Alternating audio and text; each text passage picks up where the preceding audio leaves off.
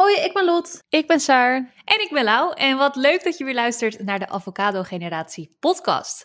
Vandaag gaan we uitgebreid in op het onderwerp mentale gezondheid. Iedere twee weken staat er op woensdag om 6 uur ochtends een nieuwe podcast voor jullie klaar. En deze is te beluisteren op Spotify, Soundcloud en Juke. Hallo? Hallo. Hallo. Wat leuk, zitten we weer meiden. Yes, we gaan er weer voor. Hey en welkom. In de Avocado Generatie podcast kletsen Lot, Saar en Lau over alles wat millennials bezighoudt. Van carrière maken tot de wereld overreizen en van tinderliefdes tot babyfever. Pak er lekker een broodje avocado bij en veel luisterplezier. Vandaag hebben we een onderwerp waar we denk ik alle drie heel veel over te vertellen hebben en onze eigen ervaringen mee hebben. Uh, zowel positief als negatief. Voordat we daarmee gaan beginnen, uh, lijkt het me denk ik gewoon een goed idee om te beginnen met de feitjes. Is goed? Yes. Doe maar. De grootste redenen voor langdurig psychisch verzuim in Nederland zijn angst, depressie en burn-outs. Ja, het was te verwachten, hè? Ja, dat denk ik ook wel. Ik zit ook even te bedenken van welk ander psychisch verzuim is er nog? Maar ja, dat zal er vast wel zijn. Maar dit zijn inderdaad de eerste drie dingen die bij mij in me opkomen, denk ik wel. Ja, dat heb ik ook. Ik zou ook even niet weten wat het anders zou zijn. Of persoonlijkheidsstoornissen. Of ja. Oh, ja. Het tweede feitje. Hoewel onderzoek aantoont dat social media een negatief effect heeft op het zelfvertrouwen van jongeren en kinderen, voelen jongeren zich dankzij social media over het algemeen gelukkiger over hun vriendschappen. Hmm, ja, dat vind ik ook lastig. Want aan de ene kant denk ik dat social media echt wel een negatieve invloed kan hebben op het zelfvertrouwen van jongeren en kinderen. Maar ook wat betreft. Oh, dat staat er ook, sorry. Een negatief effect heeft op het zelfvertrouwen. Maar positief effect dus over de vriendschappen. Ja, misschien toch dan vanwege die likes en de hoeveelheid reacties en zo, die je dan makkelijker achterlaat op social media dan wanneer je in het echt tegen iemand zegt: leuke outfit. Ja, maar bestie. Ja. Weet ik veel wat kinderen tegen elkaar zeggen. Terwijl dat er ook inderdaad misschien wel juist voor kan zorgen dat er een soort van gevoel van vriendschap wordt gecreëerd. Maar zodra ze dan samen op school elkaar tegenkomen, eh, dat dat dan totaal niet zich zo uit. Ik denk dat het daarom juist ook wel een tegenovergesteld effect kan hebben. Maar goed, dit uh, zijn de cijfers. Ja, het is heel dubbel, denk ik. Want aan de ene kant, inderdaad, is het heel duidelijk als je ziet dat iemand je foto heeft geliked, dat je je dan misschien meer geliefd voelt door die mensen. Maar er hangt daardoor natuurlijk ook superveel van af. Dus ik kan me ook voorstellen dat het ook uh, juist als jij dan als enige niet een like krijgt van je vriendengroep, dat je dan ook heel erg kan gaan twijfelen natuurlijk als je jonger bent. Ja, en dat je zulke dingen dan in het echt juist minder snel zou zien als iemand eventjes geen zin in je heeft of zo. Maar inderdaad, door dat soort dingen, ja. Het heeft voor- en nadelen, denk ik, de social media wat betreft vriendschap. En misschien ook wel dat ze iets selectiever hun vriendschappen kunnen kiezen. Misschien dan niet in het echte leven, maar online. Juist omdat je tegenwoordig zoveel subgroepjes hebt op social media. Dus bijvoorbeeld body positivity, uh, communities van mensen met mentale uh, hè, stoornissen of problemen. dat geeft misschien ook wel weer een heel fijn gevoel dat je weet dat je niet alleen bent. En dat je toch een soort van online vrienden hebt. Misschien ja, dat, dat denk ik ook wel echt. Ja. Vooral mensen tot 35 jaar lijden mentaal onder de crisis. Maar liefst drie kwart zegt tot nu toe last te hebben gehad van klachten. Van de 65-plussers zegt 48% één of meerdere mentale klachten te hebben. Dat is opvallend, want de leeftijdsgroep met de meeste gezondheidsrisico's hebben de minste mentale problemen. Daarmee zijn de geestelijke sores van jongeren vele malen groter dan die van oudere leeftijdsgroepen. Wat denken jullie daarvan? Ja, dit verbaast me eigenlijk niet zo omdat ik toch wel denk dat gemiddeld gezien juist van onze leeftijdsgroep, om het maar even zo te zeggen, dat um, voor ons het meest verandert qua hoe we ons leven indelen. Uh, dat is natuurlijk heel generaliserend gezegd hoor, maar rond deze leeftijd heb je natuurlijk over het algemeen best wel veel stappen die je zet in je leven. En kan het misschien voelen alsof dat een beetje onhold staat. Waar iemand in de 65-plus categorie misschien al wat meer gesetteld is. Wellicht ook gepensioneerd is. En wij opeens van werken onder collega's of uh, regelmatig buitenshuis werken opeens binnenwerken. Ja. ja, dat denk ik ook inderdaad. Dat als je 65 plus bent, dat je sowieso al een wat uh, beknopter leventje leidt. Wat betreft sociale uh, contacten, maar ook qua activiteiten die je zelf onderneemt. Er zijn natuurlijk uitzonderingen hoor. Er zijn ook zat mensen die boven die leeftijd zijn die wel nog heel veel ondernemen. Maar ik denk dat dat inderdaad het grote verschil maakt. Dat het misschien ook meer opvalt als je als jong volwassene tot 35 jaar opeens wel heel veel thuis zit en lijdt onder mentale klachten, in welke vorm dan ook.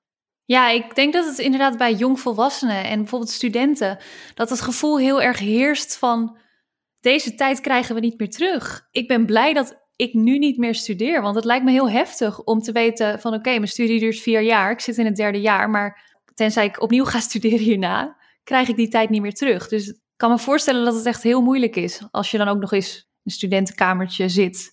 Ja, het enige wat ik wel denk, bij um, ja, juist de wat ouderen, die hebben dus, wat ik al zei, een wat kleiner uh, kringetje. Maar ik denk dan dat als ook nog dan die, dat ene sociale contact per week van ze wordt afgenomen, dat het dan dus juist ook wel heel erg voor ze is, omdat ze al zo weinig hadden. Dus bij ons vallen er ook natuurlijk grote dingen weg. Maar wij hebben dan bijvoorbeeld dit nog. Wij kunnen elkaar nog prima even facetimen. En via Instagram hebben we nog contact. En nou ja, er woont vast wel iemand ergens in je buurt waarmee je even een wandelingetje kan maken, enzovoort, enzovoort. En ik denk denk dat de ouderen ja, zoveel behoefte hebben aan uh, hun kleinkind dat één keer in de week op bezoek komt, normaal gesproken. Maar dat, dat, dat kan nu natuurlijk ook niet. En dat dan die mentale klachten daar dan weer onder uh, of groter van worden. Ik denk inderdaad dat zij dan wel weer meer risico hebben om nog meer geïsoleerd te leven dan wij met al die technische mogelijkheden en zo. Ik denk dan meteen aan de oude mensen die zeg maar een praatje met je maken buiten, weet je, in de winkel of zo. Dat kan dus ook niet meer. Dat was misschien het enige wat ze hadden en dat is nu ook weggenomen. Dus ja, het, het is gewoon voor alle generaties erg natuurlijk. Ja, ik las ook laatst, of nee, dat zag ik in een filmpje van iemand. Um, die had het ook best wel die had best wel zijn kritische noten bij alles wat er gaande is en de maatregelen en zo. Maar die gaf ook als voorbeeld van: stel je voor, je bent nu 85 en je bent al zo ja, zo'n risicogroep en je hebt al zo weinig nog om voor te leven, even om het maar plat te zeggen. En dan wordt ook nog je afgenomen dat je dan één keer in de zoveel tijd je familie kan zien. Waar is dat goed voor? Dat die ouderen dat dan nu ook al niet meer kunnen. Waar leven ze dan nog voor? En dat vond ik ook wel echt een eye-opener. Dat, dat ik dacht, ja, wij beschermen die groep nu met z'n allen heel hard, maar er zal vast ook een deel zijn dat zoiets heeft van, ik leef liever nog een half jaar met mijn familie dicht bij me, dan dat ik nu misschien nog twee jaar leef terwijl ik helemaal word geïsoleerd van alles en iedereen. Ja, begrijp ik ook heel goed. Er zit ook echt wel wat in om het vanaf die kant inderdaad te bekijken. Maar het lastige, daar ben ik het mee eens. Maar ja, het lastige daaraan is natuurlijk weer, iemand mag dat misschien vinden, maar het omaatje, de deur naast, naast het omaatje van 85, die wil nog wel het liefst tien jaar in leven blijven. Ja, en, precies. Ja, ja dat is een hele issue natuurlijk met dit. Maakt het zo ingewikkeld. Ja. Ja, het zou fijn zijn als ieder het voor zich kan bepalen, maar dat gaat gewoon niet. Want als jij bepaalde, ja, weet je, alle acties hebben gevolgen. En niet alleen voor die persoon, maar ook weer voor de rest van de bevolking. Dat maakt het denk ik in het geheel zo lastig ook. Ja, ik denk in ieder geval wel dat we kunnen concluderen dat hoe langer dit duurt en hoe langer het duurt voordat je een soort vooruitzicht hebt, dat die mentale gezondheid voor alle groepen, denk ik, wel meer gaat spelen nu. ja. Hoe staat het ervoor met jullie mentale gezondheid? Eigenlijk, ja, voor mij persoonlijk wel goed. Alleen ik merk wel dat ik gewoon nu wel echt onrustig word van, ja, nu we dit opnemen, zijn gisteren al die rellen geweest van rondom de avondklok en zo. En ik merk wel echt dat ik daar een heel onrustig gevoel van krijg. En dat ik dan wel echt zoiets heb van, ik las al wel de hele pandemie op Twitter dat er mensen zijn die er heel anders eh, naar kijken dan ik, zeg maar. Maar als je dan ook ziet dat er een groep van die mensen ook echt daadwerkelijk nu acties daartoe ondernemen, dan word ik daar wel een beetje angstig van, ja. Ja. Ja, ik heb ook een beetje dat wat Saar heeft. Over het algemeen gaat het wel gewoon goed met me, denk ik. Weet je, het gaat gewoon zijn gangetje. Maar op een gegeven moment ben je dat, het gaat zijn gangetje ook wel zat. En ik vind dat dat bij mij nog best wel lang heeft geduurd. Want ik kom nu eigenlijk pas voorzichtig op dat punt dat ik denk, nou, dag in dag uit hetzelfde, weet je wel. En ik verveel me nog steeds niet, dus daar zit het hem niet in. Maar meer, ik had het er ook over met een andere vriendin. En die zei, alles is zo moeilijk. En daar, daar word ik vooral moe van. En toen dacht ik, ja, dat is het inderdaad. Ik word niet zozeer moe van het thuiszitten of nog niet eens van het beperkte sociale contact. Dat vind ik wel prima hoe dat nu gaat, weet je. Nou ja, prima, dat heb ik geaccepteerd. Maar ik word vooral moe van dat je niet even een ijsje kan gaan halen. Je kan niet even met een vriendin afspreken. Nee, je moet de hele tijd denken: mag dit? Is dit verantwoord? Is dit noodzakelijk? Wat zijn de gevolgen daarvan? Je moet overal zoveel meer over nadenken. En wat dat betreft is het gewoon veel minder spontaan allemaal. En toen dacht dacht ik, ja, dat is precies wat ik er ook vervelend aan vind. En dan komt er nog bij inderdaad wat Saar heeft. Wat betreft die rellen, ja, dat maakt mij dus ook heel erg onrustig. Eerst was dat natuurlijk in Amerika een tijdje terug, toen uh, met Trump en zo en het Capitool. Daar werd ik al heel onrustig van, maar dat is dan nog ver weg. Daar kan ik me voor afsluiten. Maar nu is het natuurlijk zo dichtbij wat dat betreft. En dan ja, merk ik ook dat ik de hele tijd Twitter aan het refreshen ben en het nieuws. En ja, op een gegeven moment had ik ook zoiets van: ik moet er nu ook niet meer naar kijken. Ik ga er ook niet meer naar op zoek. Ik wil ook geen filmpjes meer aanklikken die mensen me toesturen. Ik sluit me er nu gewoon even voor af en ik lees één keer per dag de headlines en klaar. Weet je wel? Anders word je er zo. Gewoon eigenlijk weer een beetje naar wat, wat je in het begin, wat volgens mij heel veel mensen helemaal in het begin deden toen we echt de eerste berichten kregen en de, en die eerste persconferentie, dat je echt dacht, waar belanden we in? Wat is dit? Ja. Toen hadden ook heel veel mensen volgens mij zoiets van, wow, je blijft maar bezig met al die berichten en Twitter en zo. Dat gevoel is nu wel weer terug, denk ik. Ik vind Twitter dus echt super toxic. En ik heb geen Twitter, want ik, ja, ik vind dat gewoon too much. Zelfs als ik het af en toe op Instagram of zo, weet je, je ziet wel eens een Twitter-post die gedeeld wordt op Instagram Stories. Instagram kan al heftig zijn, maar ja, Twitter is gewoon een constante gedachtenstroom van Jan en Alleman. En daardoor zit ik er dus ook niet op. Nee, ik begrijp ik. Dat ik af en toe het nieuws check. En voor mezelf gewoon kies wanneer dat is. Dan dus de hele dag op Twitter zitten. Wat ik wel echt moeilijk vind, uh, is dat het gewoon, er lijkt een soort constante negatieve vibe op social media te hangen. En het komt in vlagen. Dus soms merk ik dat het een paar weken wat minder erg is. En dan weer door iets dat in het nieuws komt heel erg. Nu dus met de rellen is het weer wat erger. Maar dat niets wat je zegt of doet goed kan zijn. Ik weet nog dat wij in september dus Tony's familie uh, bezochten in Spanje. En dat ik toen een foto met een mondkapje had geplaatst. Want dat was daar toen al verplicht en hier nog niet. En toen kreeg ik een reactie van, hoe durf je dat te delen? Want daarmee, ja, uh, even in het Engels, you send a message. Eh, je, je stuurt een bericht eruit van dat jij daar dus achter staat. Terwijl ik er helemaal niet zoveel over na had gedacht. Ik had gewoon, ik moest een mondkapje op in Spanje. En ik maakte daar leuke foto's. Dus ja, dat mondkapje stond ook op de foto. Maar en dacht, al, al zou je er wel achter staan en wel een message zenden, bewust, dan zou dat toch ook helemaal oké zijn? Ja, dat, ik snap precies wat je bedoelt, inderdaad. Want jij deed het dan onbewust. Maar zelfs al doe je zoiets wel bewust, dat is ook oké, vind ik. Iedereen mag toch zijn mening geven, mits inderdaad op een respectvolle manier. Ja, maar één ding vind ik nog, als je echt denkt, oké, ik, ik ga hier actief wat over zeggen, dan kan je denk ik iets meer verwachten dat er ook andere meningen opkomen. Ja, maar ik deed dit gewoon ja, helemaal inderdaad totaal onbewust. Want het was voor mij gewoon niet eens te discussiëren, want het was verplicht. En dan dat zelfs dat voor negatieve reacties zorgt. Daar, toen had ik voor het eerst zo'n momentje dat ik dacht van wow, wat een tijden leven we in, jongens. Ja, het lijkt een beetje alsof iedereen zich moet verantwoorden voor alles wat hij doet. En iedereen wijst heel erg met het vingertje, vingertje naar elkaar. En dat, dat is inderdaad heel negatief. En ja, het is, maar ik vind het soms ook wel moeilijk Ehm, om het niet te doen of zo. Ik doe het in mijn hoofd ook wel. Alleen ik probeer het dan niet zo te uiten zoals sommigen dat inderdaad wel doen. Maar ik denk ook wel eens als ik op Instagram uh, van die influencers gezellig in een drive-thru zie met z'n vieren op één motorkap. Ja, ik heb er ook wel eens wat uitgevloept op zo'n moment tegen diegene wel. Alleen ja, elke keer denk ik daarna, hm, misschien dat ik het toch beter bij mezelf kunnen houden, weet je wel. Want ik doe ook niet alles 100% perfect. Het zijn gewoon vooral denk ik echt de frustraties die nu heel veel mensen hebben en die ze gewoon nog sneller ventileren. En op social media is dat natuurlijk nog makkelijker.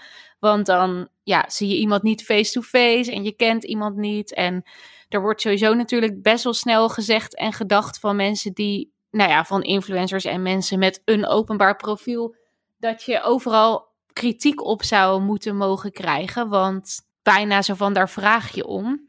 Dus dat merk je gewoon heel erg nu. Ik vind zelf als influencer, dit gaat gewoon even over mentale gezondheid in het algemeen, los van coronakritiek.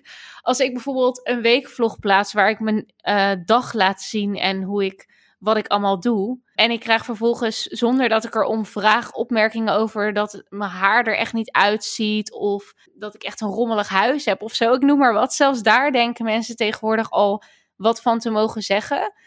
En dan ook bijna boos of gepikeerd zijn als je dan. Ja, als je daar dan op terugreageert. En dat begrijp ik gewoon niet zo goed. Want tuurlijk zien mensen dat wel, maar als jij een gesprek met een vriendin hebt en het gaat over haar weekend, dan ga je toch ook niet ongevraagd advies geven over hoe ze de kapsel moet dragen of zo. ja. Heb je een punt? Ja, zeker. Ik denk dat wat ik nu ga noemen een groot onderwerp zal worden van deze aflevering, omdat we hier allemaal wel in zekere mate, nou misschien Saar niet, maar mee te maken hebben gehad. En dat zijn angststoornissen. Daarom wil ik hier ook nu vrij ja, abrupt nu mee beginnen. omdat ik gewoon denk dat één, heel veel kijkers of heel veel luisteraars hier meer over zouden willen weten. En we hebben hier ook, zie ik, veel vragen over gehad. En twee, omdat we hier veel over kunnen vertellen. Ehm, ik vind heel kort, volgens mij heeft Saar ervaring met overspannenheid slash burn-out. En Lot en ik met angststoornissen, right? Yes. Ja, klopt.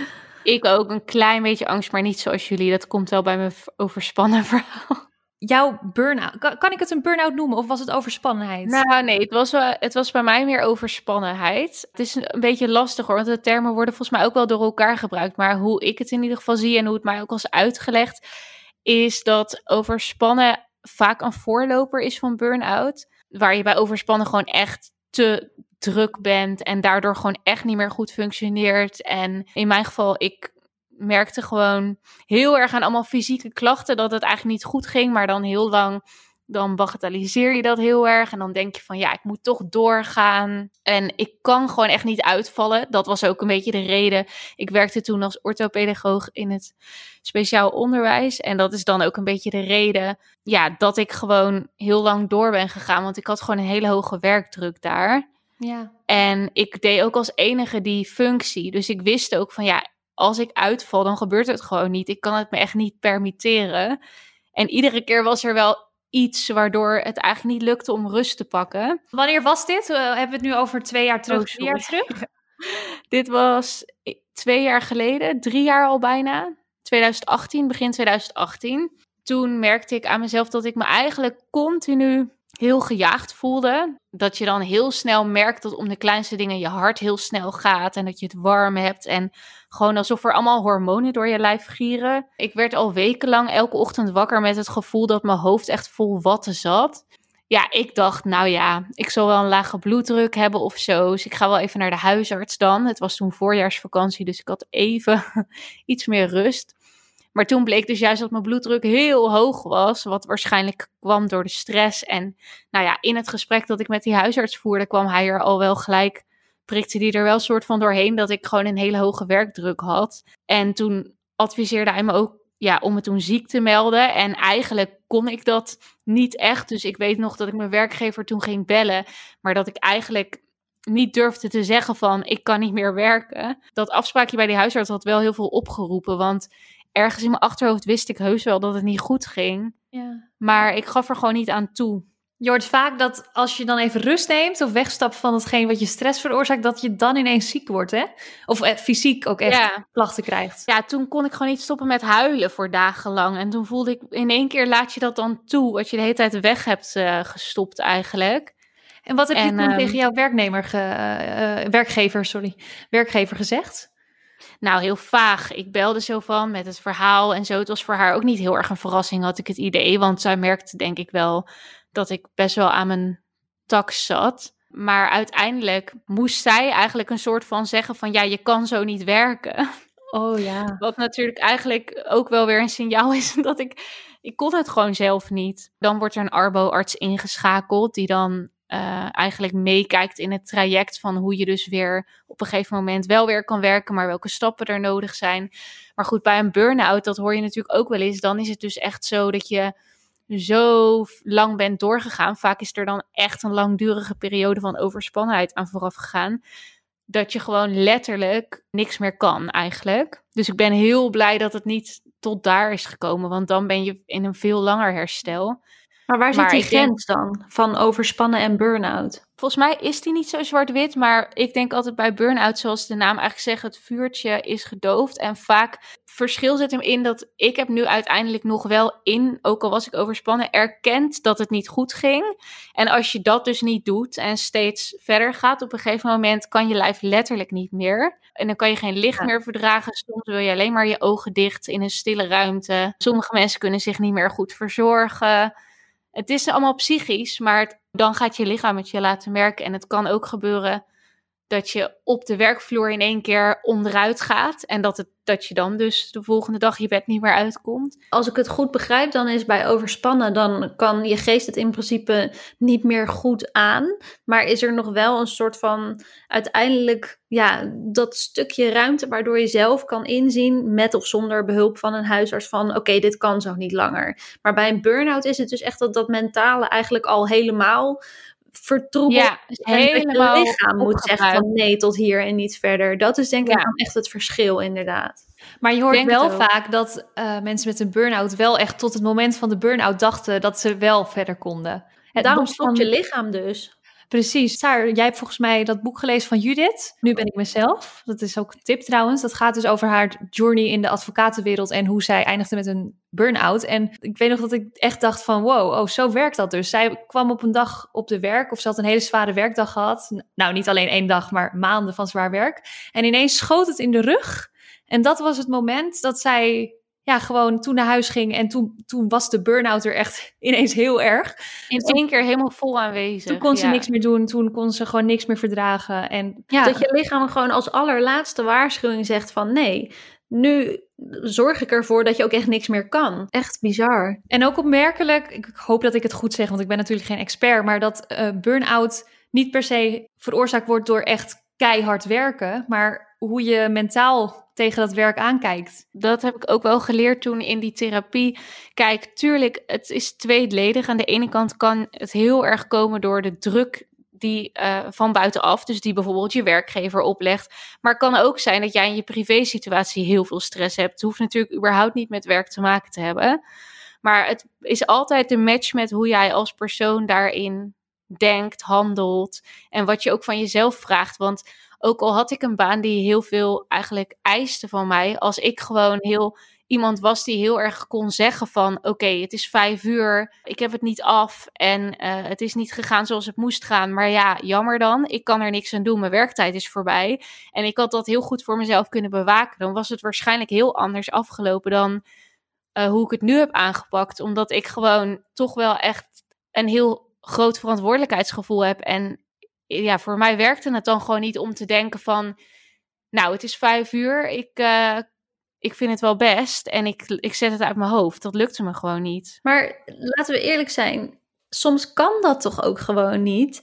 Dat, dat vind ik dus het moeilijke hieraan. Want ik herken mezelf daar heel erg in. Dat verantwoordelijkheidsgevoel van ja, maar mijn werk, het is dan wel vijf uur. En ik heb officieel nu genoeg gewerkt. Officieel gezien qua werktijd. Maar het is gewoon nog niet af. En als het niet af is, dan heb ik morgen een probleem. Zo denk ik dus ook heel vaak. En ik kan me voorstellen als je bijvoorbeeld.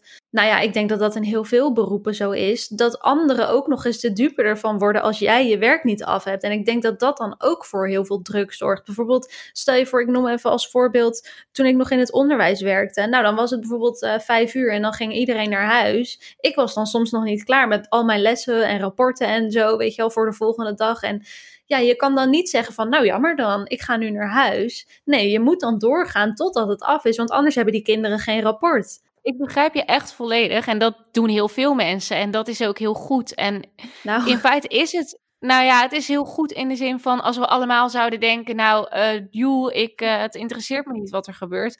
Maar uiteindelijk is het alleen voor de korte termijn goed, want je, ja, natuurlijk, dat rapport is dan af. Alleen wat de arboarts bijvoorbeeld ook tegen mij zei, heel veel mensen denken op deze manier. Alleen als jij wil dat je werkgever echt ziet hoe druk het is en hoe hoog die druk ligt, hoe erg het ook is, dan moet je eigenlijk ehm, dat laten merken. En dat kan alleen door daadwerkelijk te laten zien: kijk, ik heb tijd tekort. Of kijk, het lukt niet al deze verantwoordelijkheden bij elkaar.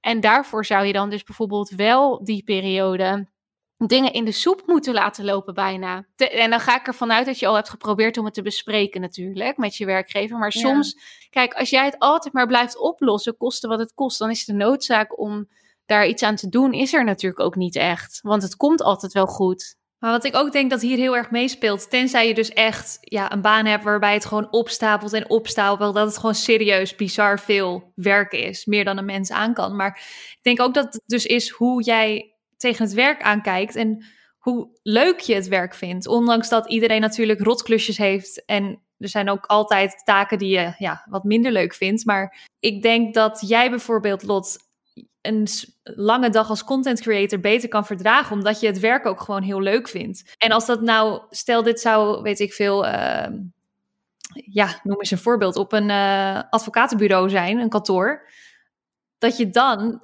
echt zou knappen. Dat dan de, de bom al lang uh, ontploft was, gebarsten was, omdat, omdat je dat niet leuk zou vinden.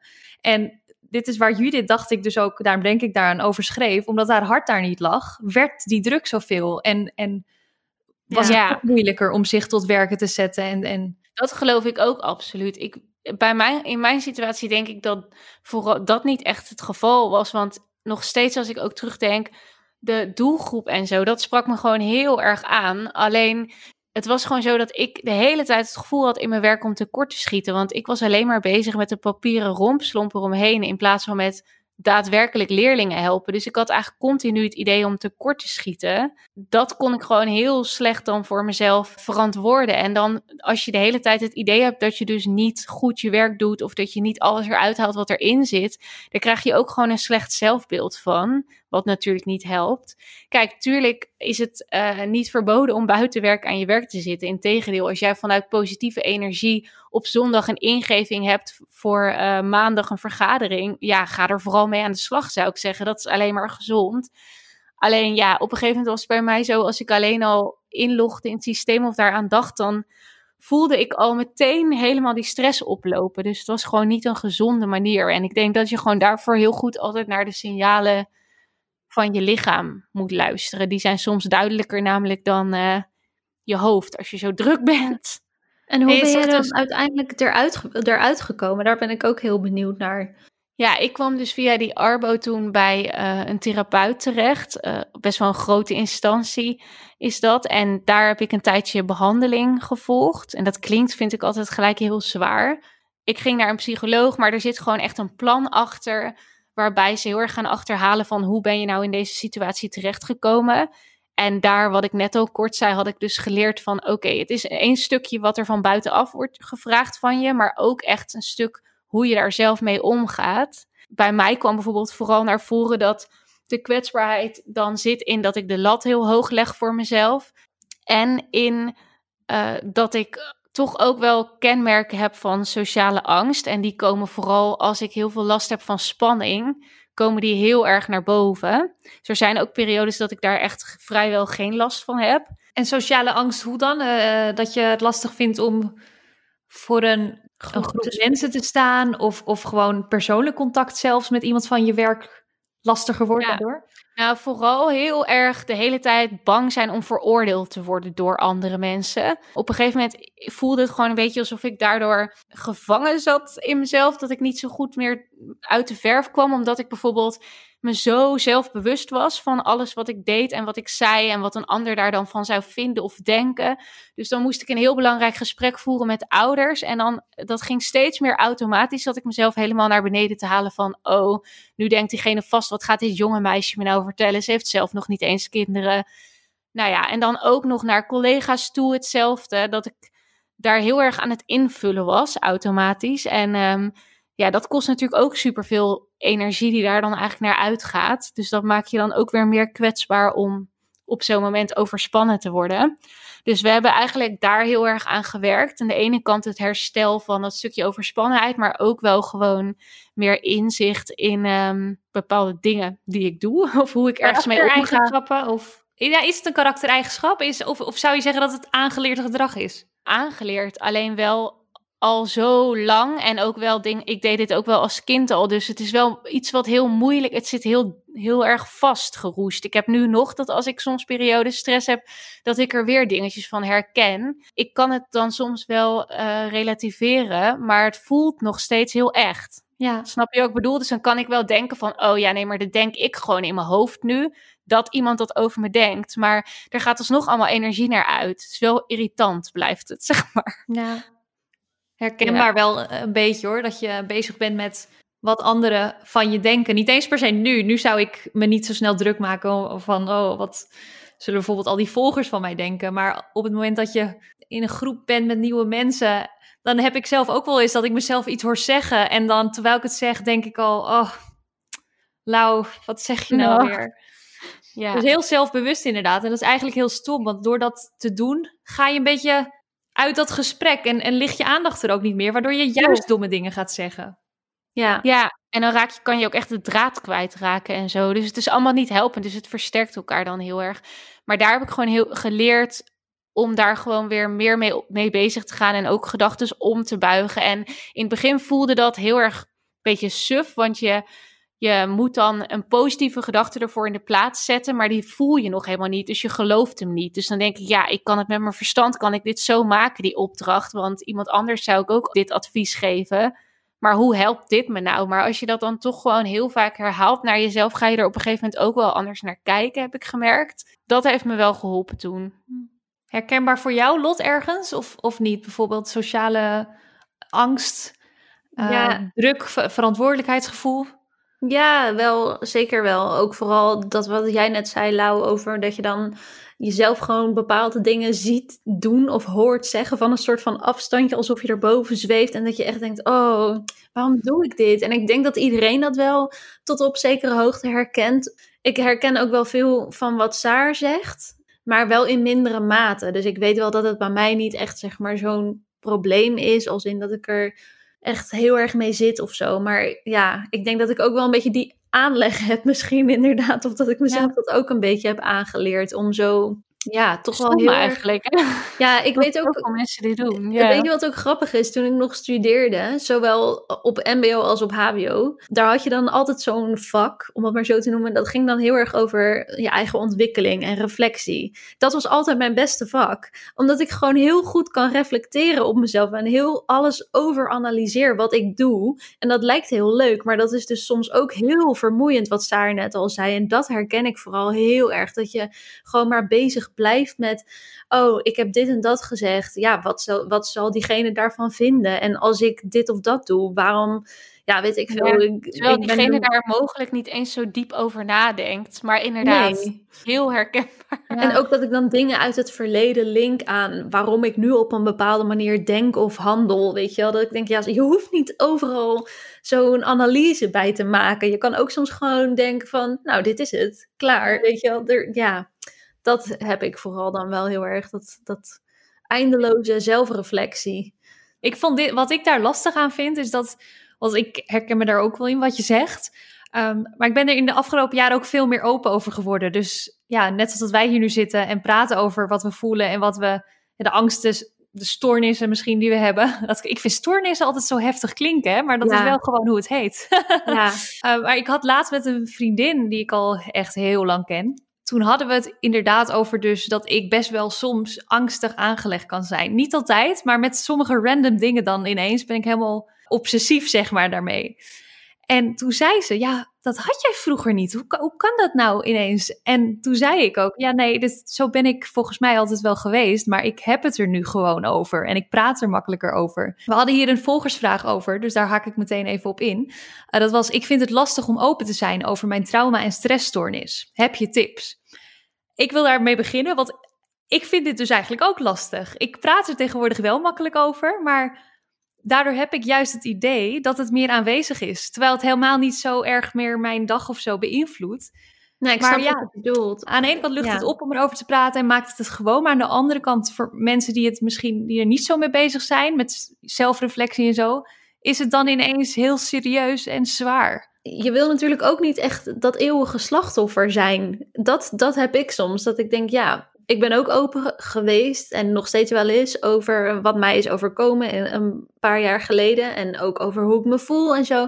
Maar soms als ik dan zoiets in mijn vlog zeg of op mijn story plaats of zo, dan heb ik ook het gevoel van, waarom begin ik hier nou weer over? Weet je wel? Zo van, denken mensen niet ook op een gegeven moment van, oké, we get it. Je bent gevoelig, je, je, je hebt dingen meegemaakt. Maar ja, ik weet niet. Ik wil mezelf ook niet als slachtoffer neerzetten. Dus ik herken wel heel erg wat jij zegt. Ook in de zin van, hoe meer je ermee bezig blijft en hoe meer je erover praat, dat gevoel blijft dan ook de hele tijd een soort van bij je. Dus het is aan de ene kant goed om erover te praten, maar aan de andere kant moet je ook wel weer ermee stoppen op een gegeven moment, zeg maar. Ja, maar ik denk wel dat het echt een verschil maakt of je. Ik begrijp helemaal wat jullie zeggen. En dat het ook, denk dat het ook echt zo is dat je het ook wel voor een deel levendig houdt als je erover blijft praten. Maar aan de andere kant, als het een angst is die je wel echt nog hebt, maar alleen onbewust, zeg maar. Dus dat je bijvoorbeeld het niet meer echt toestaat om er met je gedachten over na te denken of met mensen over in gesprek te gaan, maar dat je wel gewoon heel erg merkt aan bepaalde reacties van je lichaam dat het nog wel iets met je doet, dan denk ik toch dat het echt altijd beter is om er ook over te praten. Omdat je anders, het is misschien waar we het net dan over hadden met die burn-outs natuurlijk wel iets anders, maar ik kan me voorstellen dat als je dan je hoofd een beetje voor de gek houdt dat het er niet meer is, dat dat eigenlijk nog slechter is. Ja, en het is denk ik ook gewoon een grensgebied. Want dat je er, kijk, inderdaad, wat jij zegt, als je de angst nog heel erg dagelijks voelt en je hebt er gewoon heel erg last van, maar je houdt het altijd in jezelf, dan kan het heel erg opluchten om erover te praten.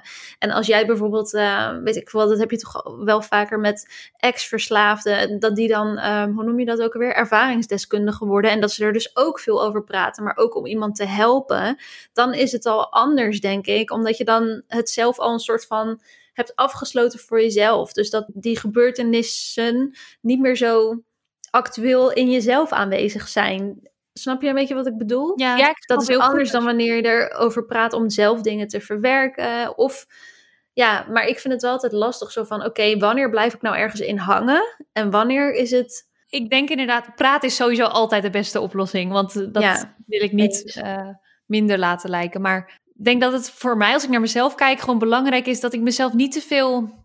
Dat ik geen stempel op mezelf plak. Dus het feit dat ik een keer, ik zeg maar wat, een paniekaanval kreeg in een openbare ruimte. omdat het me allemaal te veel werd. Omdat ik stress had, omdat dit en dit zo was. betekent niet dat ik nu iemand ben met een angststoornis. die nooit meer ergens heen kan. en die altijd een angst. Uh, een, een paniekaanval gaat krijgen. Ja, precies, dat bedoel ik inderdaad. Eh, want die neiging heb je dan misschien wel af en toe. Maar ja, inderdaad, wat, eh, wat ook zo is, is als je net iets is overkomen of zo, dan is het juist heel erg goed om er wel over te praten. Ehm, en ik denk ook dat juist doordat veel mensen erover praten, dat die stap misschien ook net ietsje minder groot is om er mhm. zelf ook over te praten. Dus om even in te gaan op wat de volger zegt. Ik zou gewoon een beetje peilen bij welke personen je je prettig voelt. Misschien is het maar één persoon, dat kan natuurlijk ook. Dus bijvoorbeeld iemand van school, je mentor of zo. Of weet ik veel wie, een vertrouwenspersoon. Maar het kan natuurlijk ook gewoon iemand uit je klas zijn. Of een vriendin, of uh, je nichtje, of misschien wel je buurvrouw. Weet je, er is vast wel iemand in je omgeving die je het meest vertrouwt. En ja, het is denk ik dan wel goed om in ieder geval bij één iemand af en toe, als jij die behoefte voelt, je hart te luchten. En om in ieder geval te vertellen wat je hebt meegemaakt of waar je last van hebt. Zodat iemand er ook van weet. En dat lucht sowieso wel heel erg op als iemand ervan weet. Ja, want ik kan me ook voorstellen dat juist als iets misschien heel recent is gebeurd en je het dus nog heel erg speelt bij jou, dat je dan het heel prettig vindt om het aan iemand te vertellen die iets verder van je afstaat, zodat je niet diegene dagelijks tegenkomt en zoiets hebt van, oh ja, diegene weet van mijn geheim of ja want dat kan ook weer heel moeilijk zijn. Dus dan is juist zo'n vertrouwenspersoon of iemand op iets meer afstand inderdaad misschien wel een hele goede optie. Ja, of misschien zelfs online op een forum daarover. Je hebt vast wel een forum met een topic wat daarover gaat. Of op Facebook heb je natuurlijk ook tegenwoordig een heleboel groepen. Of misschien heb je wel via Instagram contact met iemand waarvan je, van wie je weet dat hij of zij ongeveer hetzelfde meemaakt of mee heeft gemaakt ja, dat, dat soort mensen kun je natuurlijk ook gewoon aanspreken. Ja. ja. Lot, jij had het net over een gebeurtenis in jouw leven die best wel veel invloed heeft gehad op, op jouw angststoornissen. Mhm. Wil je daar iets meer over vertellen? Ja, tuurlijk. ja, toen ik uh, eh, 16 was, uh, toen ging ik uit en toen werd ik, toen ik naar huis toe fietste, achtervolgd door iemand. Ik had het meteen in de gaten van, hé, hey, er komt hier iemand uit de steegje en diegene is verdacht. Dat had ik meteen door van, dit klopt niet. Ik voelde het gewoon meteen. En uh, diegene is mij toen helemaal vanaf de stad naar huis toe achtervolgd. Dus dat is ongeveer een kwartier fietsen. Toen uiteindelijk heeft diegene in, een steeg, in het steegje naast mijn huis, letterlijk, heeft diegene mij weten in te halen op de een of andere manier. En uh, ja, uh, aangerand in dat steegje. ja, dat heeft wel flinke impact op me gehad. Zeker niet precies op dat moment, of nou ja, niet meteen direct na die gebeurtenis, maar vooral in de langere verloop na die gebeurtenis, gek genoeg. Ja, wat ongelooflijk heftig. Zo jong ook. En dat je, ja, op elke leeftijd is dit verschrikkelijk natuurlijk. Ja, ik denk inderdaad, het maakt niet uit hoe oud je bent, maar het is gewoon heel verschrikkelijk als je zo'n angst voelt. En ja, ik zeg ook altijd tegen mensen, die achtervolging zelf heeft veel meer met mij gedaan dan het stukje in de steeg. Hoewel ik daar niet graag over praat, moet ik zeggen, dat stukje in de steeg. Maar ja, weet je, die achtervolging, dat was voor mij echt, ja, dat is gewoon net als in de film, zeg maar. Je, je, maar dan ben jij opeens de hoofdpersoon die een gekje achter zich aan heeft. En je bent dan zo in survival modus. Ik heb denk ik nog nooit zo hard gefietst in mijn hele leven. En ja, dat, gewoon dat gevoel dat je weet dat het fout zit. Dat is echt oh, heel, heel naar. Ja, mijn moeder hoorde mij gillen in de steeg. Want die jongen die bedreigde mij ook met een uh, mes. En die had zoiets van, ja, als je gilt, dan maak ik je af. Wow. Maar dat heeft bij mij niet eens heel erg per se dat trauma achtergelaten hoor, dat moment. Maar wat ik al zei, meer de achtervolging. Maar ik heb dus toch door die survival modus, door die adrenaline, um, toen hij zijn hand van, van mijn mond haalde, heb ik dus toch heel hard gegild. Eén keer heel hard. En mijn moeder die lag dus te slapen in huis en die heeft mij gehoord. Dus die kwam de tuin Och. ingerend. En toen die jongen gelukkig zeg. ja, ja, en die jongen schrok daar zo van dat hij toen dus is weggerend uiteindelijk, of weggefietst. En eh, ja, ik rende natuurlijk meteen naar huis en mijn moeder rende mij gewoon tegemoet op het speeltuintje naast ons huis. En die had zoiets van, Lotte, wat is er gebeurd? Wat is er gebeurd? Ja, en toen hebben we natuurlijk meteen de politie gebeld en meteen aangifte gedaan. Wat een nachtmerrie, Lot. Echt, wij hebben dit natuurlijk al eerder gehoord, Ja. maar het blijft gewoon ja, onwerkelijk. Iets dat eh, alleen in films gebeurt voor mijn idee. Ja, maar zo voelde het ook. Het was heel gek of zo. Ik maakte het wel heel bewust mee. Maar toch ook is dat dan zo'n dingetje wat je ook vanaf een soort van hoogte of zo ervaart. Weet je wel, dat je jezelf ziet fietsen als in een film. Zo heel bizar. En Volgens mij ga je gewoon dan ook in een soort zelfbescherming, alsof Ja. je het zelf niet bent. Want eh, ja, anders Ja. had je waarschijnlijk ook nooit die kracht gevonden om zo te gillen, bijvoorbeeld. Nee, en ondertussen weet ik nog heel goed dat, ik, dat er ook bepaalde momenten waren dat ik echt verstijfde van angst. En dat ik echt niet kon bewegen, weet je wel. Dat, want je hoort dan ook wel eens dat mensen dan zeggen van ja, maar heb je dan niet gevochten of zo? Maar ja, dat gaat, zo werkt het niet op zo'n moment. Je kan niet altijd gewoon maar eh, opeens de kickboxer uithangen of zo, weet je wel. Je lichaam kan dan ook gewoon echt helemaal zichzelf uitschakelen of zo. Je zegt Maar- dat je hier later pas echt last van begon te krijgen. Is dat dan omdat je volwassener werd en toen pas inzag wat, ja, wat, hoe heftig het was wat je had doorstaan? Nee, eigenlijk wel eerder dan toen ik volwassen was. Ja, ik kreeg meteen slachtofferhulp en zo aangeboden, maar dat heb ik allemaal afgeslagen als eigenwijze puber dat ik was. Ik had zoiets van, nee joh, nee, er zijn vrouwen die veel erger hebben meegemaakt dan ik. Er zijn ook vrouwen die eh, door een groep mannen worden verkracht of die jarenlang ontvoerd worden, weet je wel. Ik had zoiets van, nou, dit overleef ik wel. En dat is ook gebeurd natuurlijk, ik heb het ook overleefd, maar in eerste instantie wilde ik wel een paar weken zo goed als niet echt de deur uit. Ik had niet echt zin om mensen eh, onder ogen te komen. Maar niet per se omdat ik bang was. Dat was toen nog niet. Maar ik merkte dus pas toen ik weer uitging. Dat was, ehm, nou ja, een maandje later of zo. Had ik zoiets van: oké, ik ga nu weer een keertje met vriendinnen wat leuks doen. Ik was er klaar mee om snel. thuis te zitten. Ja, best snel inderdaad. Toen merkte ik, terwijl ik door het donker moest, zo van ik ben nu eigenlijk gewoon heel erg bang. En dat was voor mij een Mhm. soort kantelpunt dat ik dacht, ik voel me niet meer veilig. En ik ben wel altijd al het type geweest dat zich sowieso niet heel erg veilig voelt in het donker op straat. Dat had ik als kind al wel. Maar dit was voor mij wel echt dat ik echt paniek voelde. Zo van, ik wil naar huis, ik moet naar huis en ik wil hier weg. Maar heb je toen alsnog hulp gezocht? Of pas Ehm, veel later? Dat weet ik even niet meer hoe dat. Nee, dat was echt pas veel later. Ik heb het eigenlijk jarenlang een soort van ontkend dat ik ehm, er zoveel last van had. Omdat ik dus continu mezelf een soort van onbewust bleef vertellen dat het allemaal wel meeviel. En wat ik al zeg, er zijn vrouwen die veel erger hebben meegemaakt. Zo bleef ik dat maar mezelf een soort van inprenten. Maar ja, Heel ik heb er onder gewoon... druk dus eigenlijk. Ja, maar ik weet niet zo goed waarom ik dat deed. Misschien juist om maar door te kunnen blijven gaan en een soort van sterk te blijven. Ik denk dat heel veel slachtoffers van seksueel geweld, in welke vorm dan ook, in eerste instantie misschien zo die neiging hebben om dat te doen. Ja, uiteindelijk was ik, ik weet niet eens meer hoe oud ik was, ik denk uh, uh, net twintig of zo. En toen dacht ik, oké, ik heb er nog wel zoveel last van, misschien moet ik toch in therapie. En toen heb ik dus uh, in eerste instantie gewoon praattherapie gehad, zoals ik dat altijd noem, om een beetje tot de kern te komen. En al snel bleek dat ik uh, ja, traumaverwerking nodig had. Dus toen heb ik EMDR-therapie gevolgd. Een paar maanden. En dat heeft er wel voor gezorgd dat mijn trauma in ieder geval minder is. Alleen het lastige is dus dat ik van meerdere angsten heel erg last heb slash had, waardoor het heel moeilijk was. Want op, e-, in EMDR-therapie ga je echt op één gebeurtenis in, op één situatie die het meest heftig is in jouw hoofd. Maar ja, dan hadden we dus net één situatie een soort van onder controle en dan kwamen er alweer tig nieuwe situaties omhoog poppen. Maar, maar heb je dan het idee dat het een soort kwetsbaarheid of gevoeligheid is voor verschillende angsten in het algemeen? Of denk je dat dat wel het ene ding is wat zich steeds dan op een andere manier weer uit of zo? Dat het gewoon nog niet helemaal weg is? Nou, ik denk dat het gewoon ook een beetje pech is.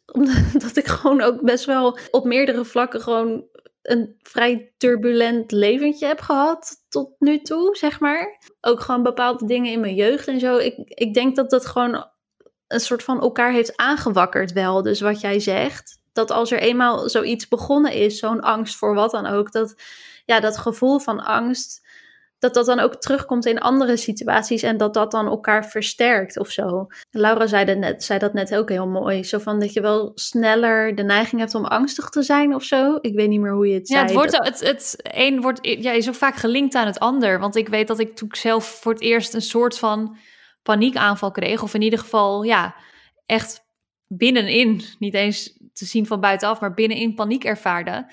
Direct ook in openbare ruimtes eerder dacht: oh shit, wat nou als het me hier gebeurt? En daardoor creëer je weer een nieuwe angst. En dat gaat toch vaak zo, heb ik het idee, dat de ene angst samenloopt met de andere angst. En daar, ja, dat ze elkaar ook versterken. Maar andersom, als je in therapie gaat voor een bepaalde angst, denk ik dat dus ook andere angsten weggenomen kunnen worden.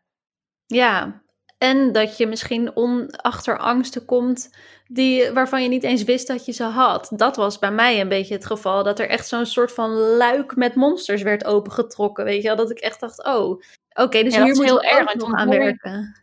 Ja, want soms hoor je toch ook dat het dan in het begin, als je in therapie gaat, wordt het eigenlijk alleen maar erger. Omdat je, ja, ja omdat er zoveel emoties open worden gelegd eigenlijk. En in het begin kan je daar nog helemaal niks mee. En dan is te hopen, dat is natuurlijk in de meeste gevallen zo, dat in de loop van die behandelingen het wat beter gaat. Ja, klopt. Het is alleen ook nog eens zo, op een gegeven moment moest ik ermee stoppen, omdat het dus niet wordt vergoed. En ja, je hebt dan uh, volgens mij zoveel sessies per jaar of zo. Ja, en op een gegeven moment zijn die sessies dan op. En ik kon dat niet zelf betalen, weet je wel, om, om nog verder daarmee te gaan. En dat vind ik wel heel pijnlijk aan het zorgsysteem in Nederland. We hebben natuurlijk een heel goed opvangnet, maar wel tot op een bepaalde hoogte. En ik denk dat als het gewoon wat toegankelijker was geweest, dat ook meer mensen sowieso in therapie zouden gaan.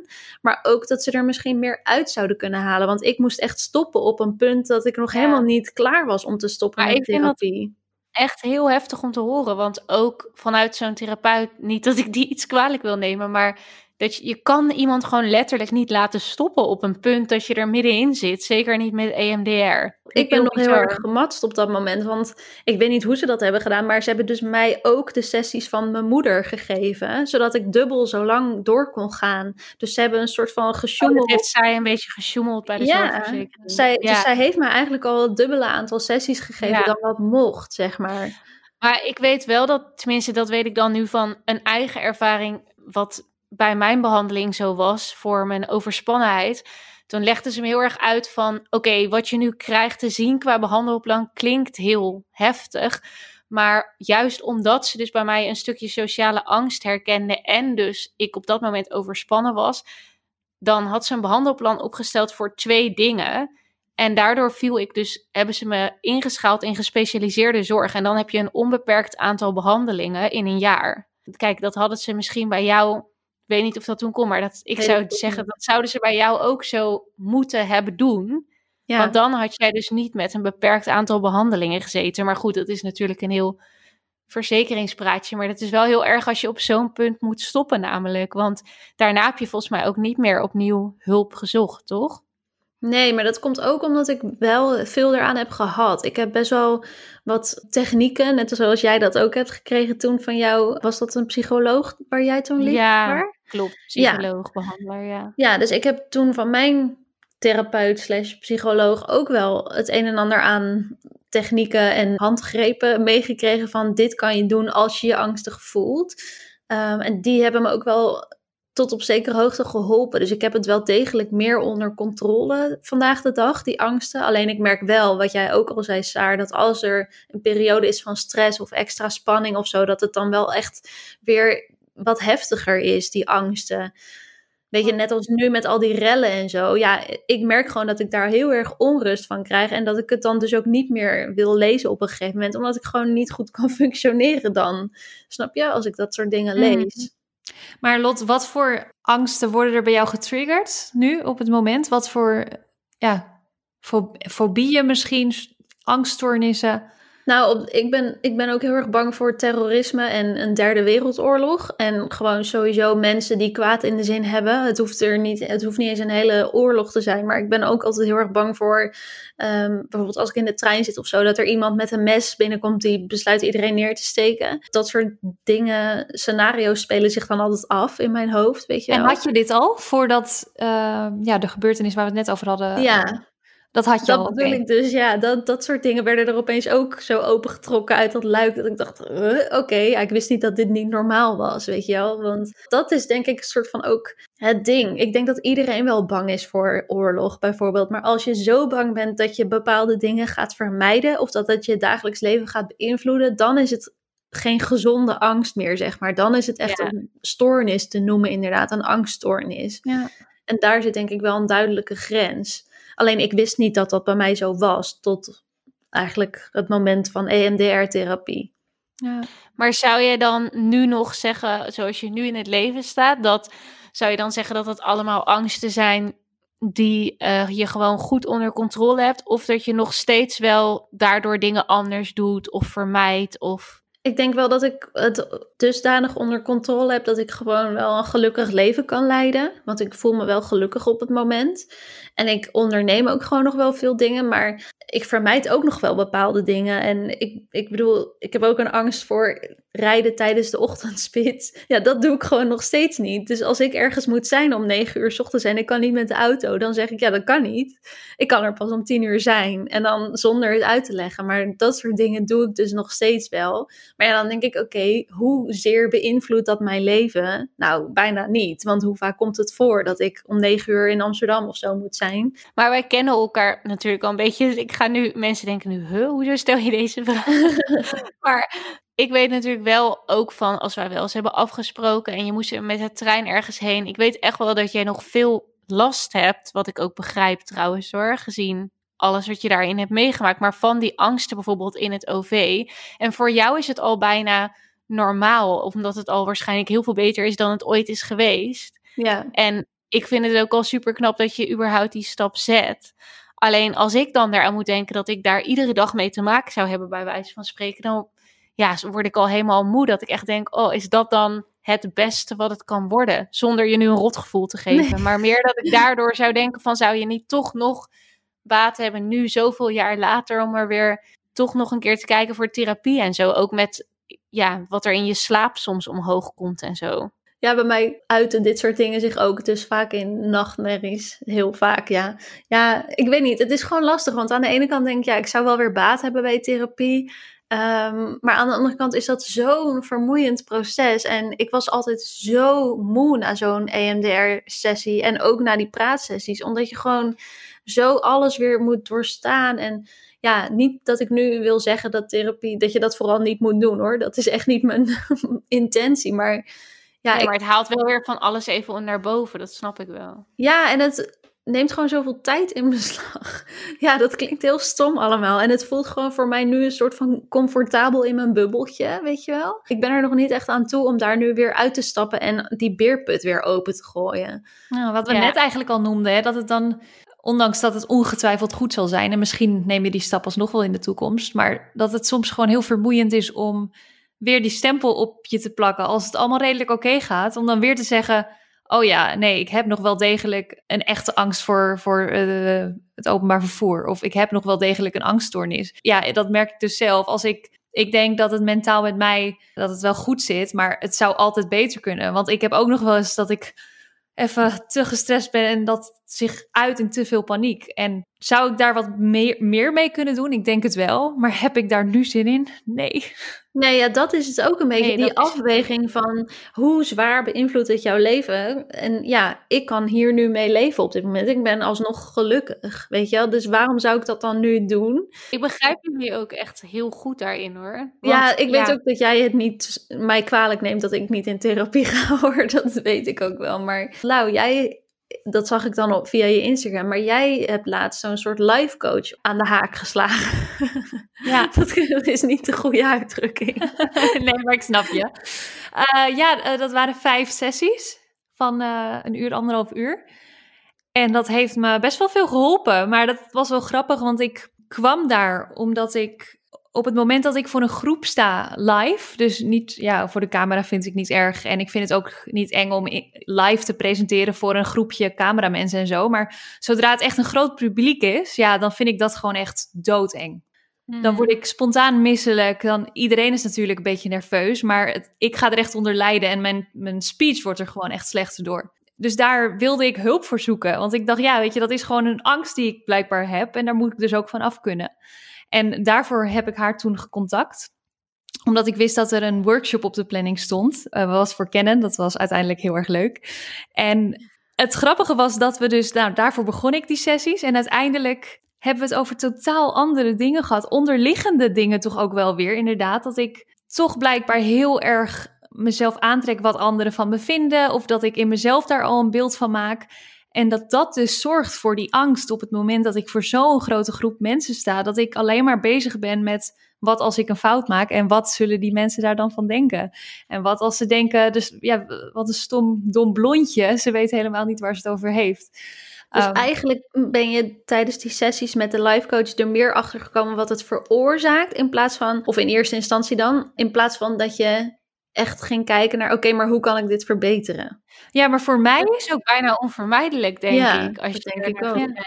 Maar ja. het was voor mij dus al genoeg, omdat ik, ondanks dat je het wel weet, en je kan het natuurlijk wel tegen jezelf zeggen, maar toen die life coach dat tegen mij zei, toen was het echt gewoon voor mij een besefmomentje van, ja, waarom voel ik me eigenlijk zo? En ik had dat gewoon heel erg nodig om dat van iemand anders te horen dat je best fouten mag maken. En dat het helemaal niet gek is om echt even tot jezelf te komen en bij jezelf te denken: oké, waarom voel ik me nu zo? Ik ben misselijk, dat mag er zijn. Ik mag misselijk zijn, want het is nou eenmaal spannend. Maar is het ook, is het ook terecht dat ik me echt zo druk maak? En mm. in die vijf gesprekken zijn we heel erg ingegaan op, op dat soort situaties. En hebben we ook een keer echt, ja, ik weet nog steeds niet of dat iets voor mij is. Maar ja, het heeft me wel enigszins geholpen gemediteerd. Dus dat ik echt met mijn ogen dicht zat. En dan met hulp van die life coach een situatie afspeelde in mijn hoofd. En dat vond ik in eerste instantie heel erg ongemakkelijk. Want ik ben dus best wel nuchter daarin.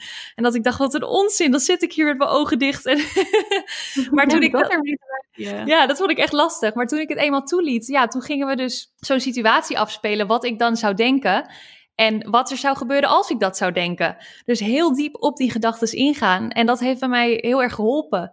En nu wanneer ja, ik weer in zo'n situatie zit dat ik bepaalde dingen denk of onzeker ben, dan sta ik daar toch even bij stil. En dan denk ik weer aan wat die life coach mij toen vertelde. Dus het heeft echt wel degelijk geholpen. Die handgrepen die je dan hebt, dat heb ik dus ook nog nu van die therapie die ik jaren geleden heb gevolgd. En dat maakt het toch wel makkelijker op zulke momenten. Of nou ja, ietsje minder moeilijk. Ja, zeker dat is echt super fijn. En je hoopt natuurlijk dat op een gegeven moment je daar zo'n master in bent, dat dat allemaal vanzelf gaat. Maar in die tussentijd kunnen zulke soort dingen die soms, als je ze net te horen krijgt, dan voelt het bijna een beetje knullig en gemaakt om dan met zulke soort trucjes aan de slag te gaan, zeg maar. Mhm. Maar het kan dus toch een heel stuk helpen. Ja. En misschien is zo'n life coach dan ook nog wel een tip. Want ik denk dat voor veel mensen die zoiets hebben van ja, maar ik heb toch verder niet echt iets. En die misschien toch het een te grote stap vinden om echt hulp te zoeken. Ja. Een life coach kan denk ik dan überhaupt als je je hoeft niet eens in de put of zo te zitten, maar als je gewoon iets hebt waarvan je merkt van dat komt af en toe terug en dat belemmert me.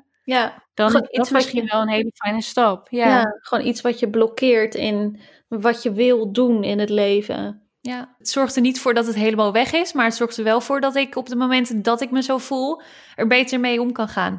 Dus dat is, En is dat wel ook- waardevol. Wat die vriendin van jou bedoelde met dat je tegenwoordig wat angstiger bent of sneller angstig bent dan vroeger, doelde ze daarmee ook op dit soort dingen of had ze het toen over andere dingen? Nou, ik denk meer gewoon wat ik dus net eigenlijk al zei, dat er in de laatste jaren, ook omdat ik blog en video's maak, it's all out there, ik praat er meer over, dus het lijkt veel meer aanwezig. Maar die gedachte, bijvoorbeeld eh, de angst om over te geven die ik jaren heb gehad, die was er toen al. Die was zelfs het meest aanwezig in de tijd Ja. dat ik die vriendin leerde kennen. Maar daar praatte ik toen niet over. Dan grapte ik misschien van, oh, gadver, ik haat overgeven, weet je. Dan Ja. maakte ik een luchtig grapje erover, maar that's it. Ik denk gewoon dat het, ja, dat het, dat ik er makkelijker over praat. En aan de ene kant is heel fijn, maar soms word ik ook een beetje moe van mezelf. Ja, dat herken ik dus heel erg. Dat ik denk, oh, daar heb je, heb je haar weer met haar. eh, ik ben ooit aangerand, weet je wel. Dat is gewoon nou, Ja, maar dat is, dat- soms voelt dat toch gewoon zo. En dat maakt niet uit welke angst of gebeurtenis het is. Ik kan me gewoon heel goed voorstellen. Dat, voor mij voelt het soms alsof ik mezelf dan in de slachtofferrol zet. Ben jij uiteindelijk van je. Dat heet emetofobie, toch? ja, Ben Ja, je daar- daar uiteindelijk dus van afgekomen? Of kom je daar nooit helemaal van af? Of hoe zit dat? Die angststoornis bracht dus ook andere kleine stoornissen met zich mee, kwam ik achteraf eh, achter. Verrassend. Ja, omdat ik had dus een, een angst om over te geven. Ja. Ehm, wat maakte dat ik bang was om misselijk te zijn. Want Oh, dat ja. is toch meestal de trigger voor overgeven. Ja. En dat zorgde ervoor dat ik op de gekste momenten dacht dat ik misselijk was. Vooral Mm. op momenten waar ik niet, eh, weet ik, van prullenbak of een, een plastic zak bij me had om echt te kunnen overgeven. Want mijn worst case scenario was dat ik in een publieke, ru- een, een, ja, openbare ruimte moest overgeven. En Ja. vraag me niet waarom ik dat dan zo erg vond. Maar ik heb ehm, toen ik een jaar of twaalf was, of elf zelfs, een keer heel erg overgegeven. Echt, dat was een traumatische ervaring voor mij. Toen had ik te veel gegeten bij mijn oma thuis. Oh god. ja, heel veel snoep en eten. En het was een verjaardag en niemand had mij, eh, ja, had door dat ik gewoon lekker hap, hap, hap, hap, ja, zat te vreten. Maar dat was gewoon heel naar, want toen was ik echt eerst een hele dag heel ziek en daarna kwam alles er een hele nacht uit. Oh. Dus dat was voor mij de trigger. En op de een of andere manier was ik zo bang dat dat weer zou gebeuren. Dat ik ja, er gewoon heel veel mee bezig was. Maar ook echt als kind. Ik weet nog dat ik mijn vriendinnetje op de Gamecube zat te spelen. En dan ineens dacht, "Ah, ik ben misselijk. En dat ik dan zei tegen de moeder van dat kindje van... eh, zou je mijn moeder willen bellen of ze me kan ophalen? Want ik wil naar huis. Omdat dus zo jong al. Ja, dan weet je natuurlijk niet dat het een, een angststoornis is. Maar het was wel heel aanwezig. En uiteindelijk ben ik er helemaal van afgekomen. Door ja, eigenlijk er gewoon mee in aanmerking te komen. Dus ik Ja. werd wat ouder. Had ineens feestjes. Was toch wel nieuwsgierig genoeg om naar al die feestjes te gaan. En dan gebeurt het gewoon een keer dat je iemand ziet overgeven. En nog een keer en nog een keer. Je hebt gewoon door naar feestjes te gaan een soort therapie-exposure gehad. Ja, echt waar. En ik weet nog dat ik voor mezelf dan altijd, dan was ik een jaar of 16 en dan moest mijn vriendje van toen bijvoorbeeld kotsen.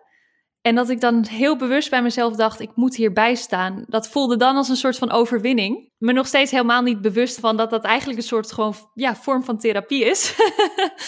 maar dat heeft Wel knap van je. nou, dat heeft me gewoon heel veel geholpen. Maar ik denk wel dat het altijd nog een beetje, beetje aanwezig is.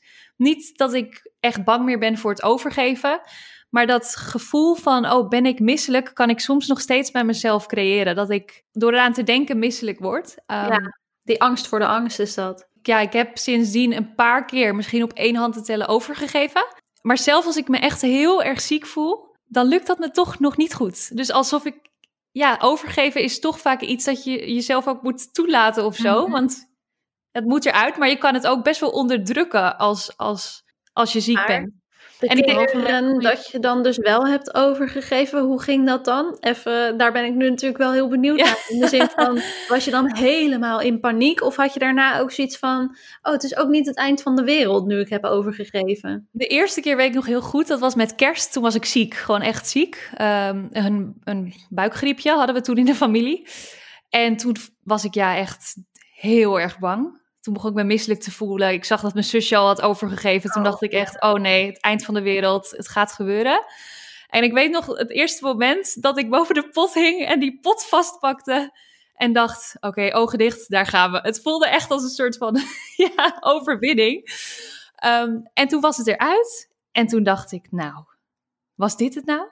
Toch wel ook dat gevoel van, nou, ik heb me jarenlang zo druk gemaakt om iets dat helemaal niet zo erg is. En Dat het bijna goed is dat het gewoon even gebeurde.